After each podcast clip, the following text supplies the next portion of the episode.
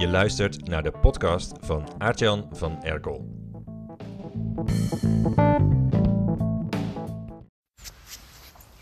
Hey, hoe is het? Ik loop in het bos. Ik kreeg net een idee. Je hoort misschien de, de, boomklevers hier misschien in de boom boven mij een beetje ketsen. Die maken zo'n geluid van alsof twee glazen knikkers tegen elkaar stuiteren. Dan lopen hier ook wat spelende kinderen. Nee, maar ik bedacht opeens dat uh, veel werk is soms makkelijker dan weinig werk. Ik sprak laatst met een klant van mij. Hij heeft een muziekwinkel in Gent in België. En we hadden het over, uh, over zijn e-mail nieuwsbrief. Hij zei dat hij eigenlijk bijna nooit mails stuurde. Het is heel glad hier trouwens. Ging bijna onderuit. Ik zei, ja, hoe vaak mail je dan? Hij zei, ja, ik mailde één keer per kwartaal ongeveer. En wat mail je dan? Zei, ja, ik wist eigenlijk nooit zo, ook zo goed waar ik over moest schrijven. Ik, ik, ik schreef maar over de gewijzigde openingstijden van de winkel. Of ik bedacht even snel een uh, promo voor een gitaar of zo. Maar hij had eigenlijk weinig ideeën. Dus hij ging, uh, op een ging hij bij mij een e-mailtraining volgen. En hij zei, toen ben ik twee keer per week gaan e-mailen. En hij uh, kreeg van klanten. Dus dat betekent, zeg maar in cijfers betekent dat dat je van twee, één, keer per kwartaal naar twee keer per week, dat is ongeveer tien keer zo vaak e-mailen. En hij ging ook meer op mijn manier e-mailen, zeg maar epic e-mail stijl. En hij zei, nu, nu krijg ik van klanten mailtjes terug. Zeg maar, leuke mail joh. Kun je wat vaker gaan mailen? Dus hij ging tien keer zo vaak mailen en hij kreeg toen reacties of hij niet nog vaker kon gaan mailen. Dus nou, daar ging iets goed. Maar daar wil ik het niet over hebben. Uh, waar ik het over wil hebben is dat hij zei, ja, dus in principe stuur ik nu elke week twee keer een mail. Maar ja, vorige week was het maar één keer. En de, en de week daarvoor heb ik helemaal niet gemaild. Maar in principe twee keer per week. En ik had een uh, tijdje daarna sprak ik een andere klant. Zij is een hypnotherapeut. Goed lopende praktijk. En die was een keer bij mij in een webinar, ook over e-mail marketing. En uh, nou, zij zei, nou, makes sense. En zij ging toen, ik, vraagde, ik vroeg in dat webinar, vroeg ik, hoe vaak e-mail je nu naar je klanten? Naar je mailinglijst. En zij was degene die toen antwoordde, twee keer per jaar. En in dat webinar heb ik degene die erbij waren uitgedaagd. Nou, hoe vaak ga je vanaf nu e-mailen? Wat wordt je frequentie? Wat wordt je nieuwe frequentie van je e-mail nieuwsbrief? En zij zei toen, nou, ik ga de uitdaging aan, ik ga elke dag e-mailen. En zij vertelde in dat gesprek later dat ze dat ook daadwerkelijk aan het doen was nu.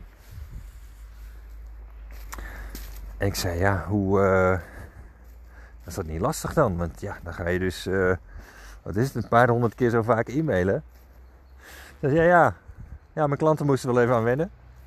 Dus ik kreeg wel wat afmeldingen, wat altijd gebeurt als je opeens veel vaker gaat e-mailen.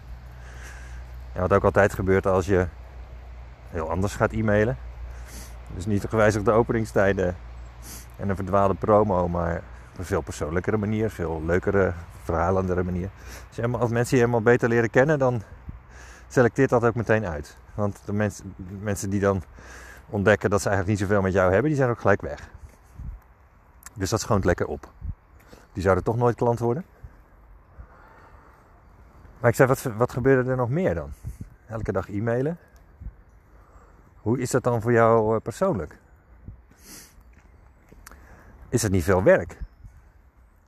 En toen zei ze, ja, nee, ik vind eigenlijk niet veel werk. Ik doe het gewoon. Ik vind, eh, ik vind het leuk om te doen. Het zijn verhaaltjes die ik vertel. Ze had bijvoorbeeld een verhaaltje verteld over haar man. Die werkt op de grote vaart. Dus die is vaak maandenlang weg. En die, moest nu, uh, die had ze nu net weer uitgezwaaid. Die ging geloof ik vier maanden naar, ik dacht Zuid-Europa, Spanje of zo. Inmiddels was die, ging niet meer zelf mee op die tankers en op die schepen, containerschepen. Maar hij ging, uh, als, ik het, als ik het goed zeg, ging die meehelpen met de bouw van een nieuw groot schip. Daarvoor ging hij dus vier maanden weg. En uh, ze had een mail gestuurd en die mail die had als titel Mijn man heeft me verlaten. Nou, ik krijg ze hele goede reacties op. Veel respons, veel uh, sympathieke reacties van klanten. En ehm, ik zei dus oké, je vindt het leuk om die mails te schrijven. Zat er ook zat er lol in, vertelde ze. Maar ja, het is wel, je moet wel elke dag dat voor elkaar krijgen. Zei ze ja, maar ja, omdat het leuke verhaaltjes zijn om te schrijven, heb ik daar geen moeite mee. Vind schrijven wel leuk. Dus ja, ik doe dat gewoon. En wat je dus wel, wat je wel vaker ziet. Ik weet niet of je ook wel eens een gewoonte, een dagelijkse gewoonte in je leven hebt proberen te introduceren. Of het nou is om vaker e-mailen of uh, meer sporten of anders eten of whatever.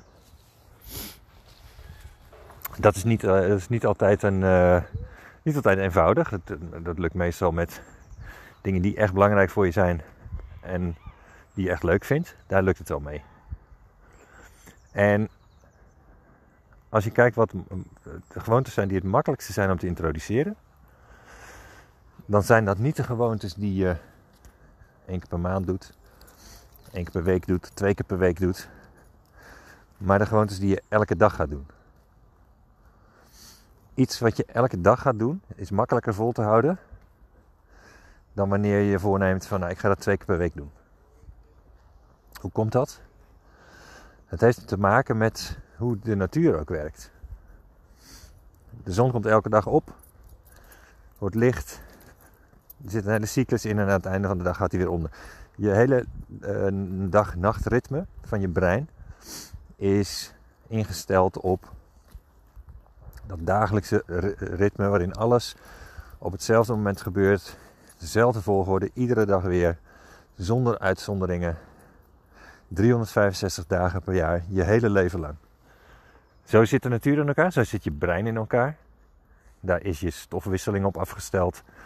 Daar is je slaap op afgesteld. Als je dat gaat onderbreken, weten we ook allemaal, wordt het eh, rommelig. Als je een, uh, op, uh, opeens een keer veel later naar bed gaat dan anders, kun je er een paar dagen last van hebben. Als je naar een ander, ander continent gaat, duurt het een paar weken voordat je over die jetlag echt heen bent. Komt omdat ons ritme zo in die groef zit van dagelijks. Daarom is het makkelijker om iets te doen wat dagelijks gebeurt. Veel werk dus, elke dag.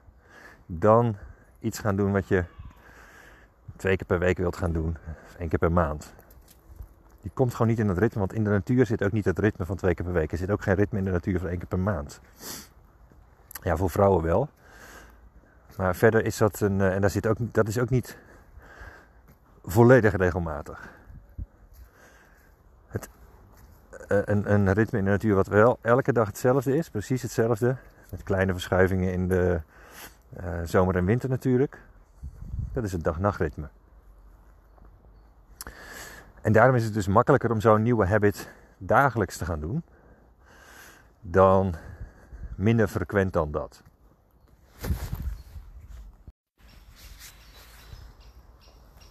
Er zit hier een uh, grote bonte specht in de boom boven mij te squeaken. Ik weet niet of je het kunt horen.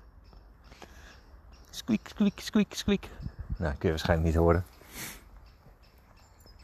Maar zo'n. Um, het lekker aan zo'n dagelijks gewoon. Ik, ik luisterde laatst naar een uh, podcast van uh, Tim Ferriss.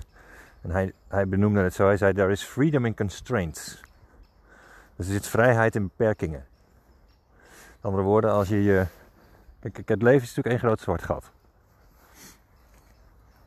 Als je een periode hebt meegemaakt van depressie of burn-out of uh, werkloosheid of whatever, dan opent zich je dag en je hebt niks te doen en het is allemaal. Uh, je, hebt, opeens geen idee meer waarom, waarom, je er eigenlijk bent en waarom je. Weet je, we hebben allemaal eens dat gevoel gehad. En daarom, is het, daarom gaan wij zo goed op structuur. Ons brein zit, uh, daar zit een natuurlijke structuur in van het dagritme. En je kunt daar ook dingen aan koppelen. Dingen die je toch al elke dag doet. Daar kun je ook nog een andere kleine gewoonte aan vastkoppelen. Bijvoorbeeld elke avond, s'avonds poets je je tanden voordat je naar bed gaat. Dat is iets wat, ja, dat gaat vanzelf, dat is een gewoonte. Daar vind je verder ook helemaal niks van. Dat doe je gewoon. En dat is Dat zijn de lekkerste habits om te hebben. Iets wat goed voor je is, waar je niet bij nadenkt, wat niet zoveel tijd kost. En wat heel veel impact heeft op de langere termijn, doordat je het elke dag hebt gedaan. Klein dingetje wat je elke dag doet, zorgt voor de grootste resultaten op de langere termijn. Niet één, één groot project eenmalig. Kleine dingetjes die je elke dag doet. Klein dingetje dat je elke dag doet om sterker te worden. Klein dingetje dat je elke dag doet om af te vallen. Klein dingetje dat je elke dag doet om je marketing te verbeteren. En de manier om dat in je systeem te krijgen. Ten eerste is het dus belangrijk dat je, je, eh, dat je het leuk vindt om te doen. Dus als je schrijven haat, dan is het lastig om dat dagelijks mailen in je systeem te krijgen. Maar als je het leuk vindt, dan is de, de makkelijkste manier, ligt een beetje aan je persoonlijkheidstype, maar een makkelijke manier voor veel persoonlijkheidstypes om dat in je systeem te krijgen, dat is door het op te hangen aan iets wat je toch wel elke dag doet. Net zoals dat tandenpoetsen doe je vlak voordat je je bed instapt. Dus je hoeft ook niet na te denken, oh ja, wanneer, wanneer doet dat ook alweer?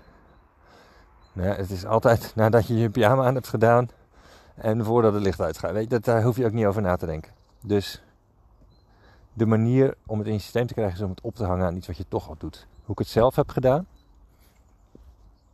is er elke dag direct na het opstaan die e-mail te schrijven. Dus er zit een vast ritueel in mijn dagen. Elke dag sta ik om half zeven op. Ik me aan, ik loop naar beneden. Ik geef Lola de hond een bakje met brokken.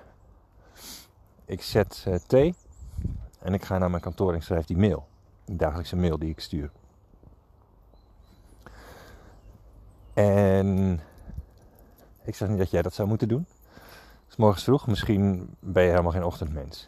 Heel veel creatieve mensen zijn er trouwens wel. Heel veel creatieve ondernemers zijn vaak creatief. Maar ook we, uh, beroemde wetenschappers, mensen die echt een uh, voetafdruk hebben nagelaten op de wereld met hun gedachtegoed. Dus Darwin, Nietzsche, Einstein waren ochtendmensen. Hadden hun grootste energieburst en creatieve uitbarsting in de ochtend. En deden vaak ook in de ochtend hun werk en in de middag gingen ze andere dingen doen, wandelen, met vrienden afspreken, tennissen, dat soort dingen. Een paar korte blokken intensief werk in de ochtend. En dat zou dus ook het, uh, het schrijven van zo'n dagelijks e-mail kunnen zijn. Als je iets wilt gaan doen dat je marketing op lange termijn verbetert, wat de relatie met je klanten dramatisch verbetert. En ook jouw eigen relatie met marketing dramatisch verbetert. Doordat je echt lol in krijgt. Door entertaining e-mails te schrijven. Dan uh, raad ik aan om dat uh, te overwegen dagelijks te gaan doen. Die wilde ik je even meegeven vandaag. Tijdens mijn boswandeling. Ik hoop dat je er wat aan hebt. Tot de volgende podcast. Hoi, mooie dag.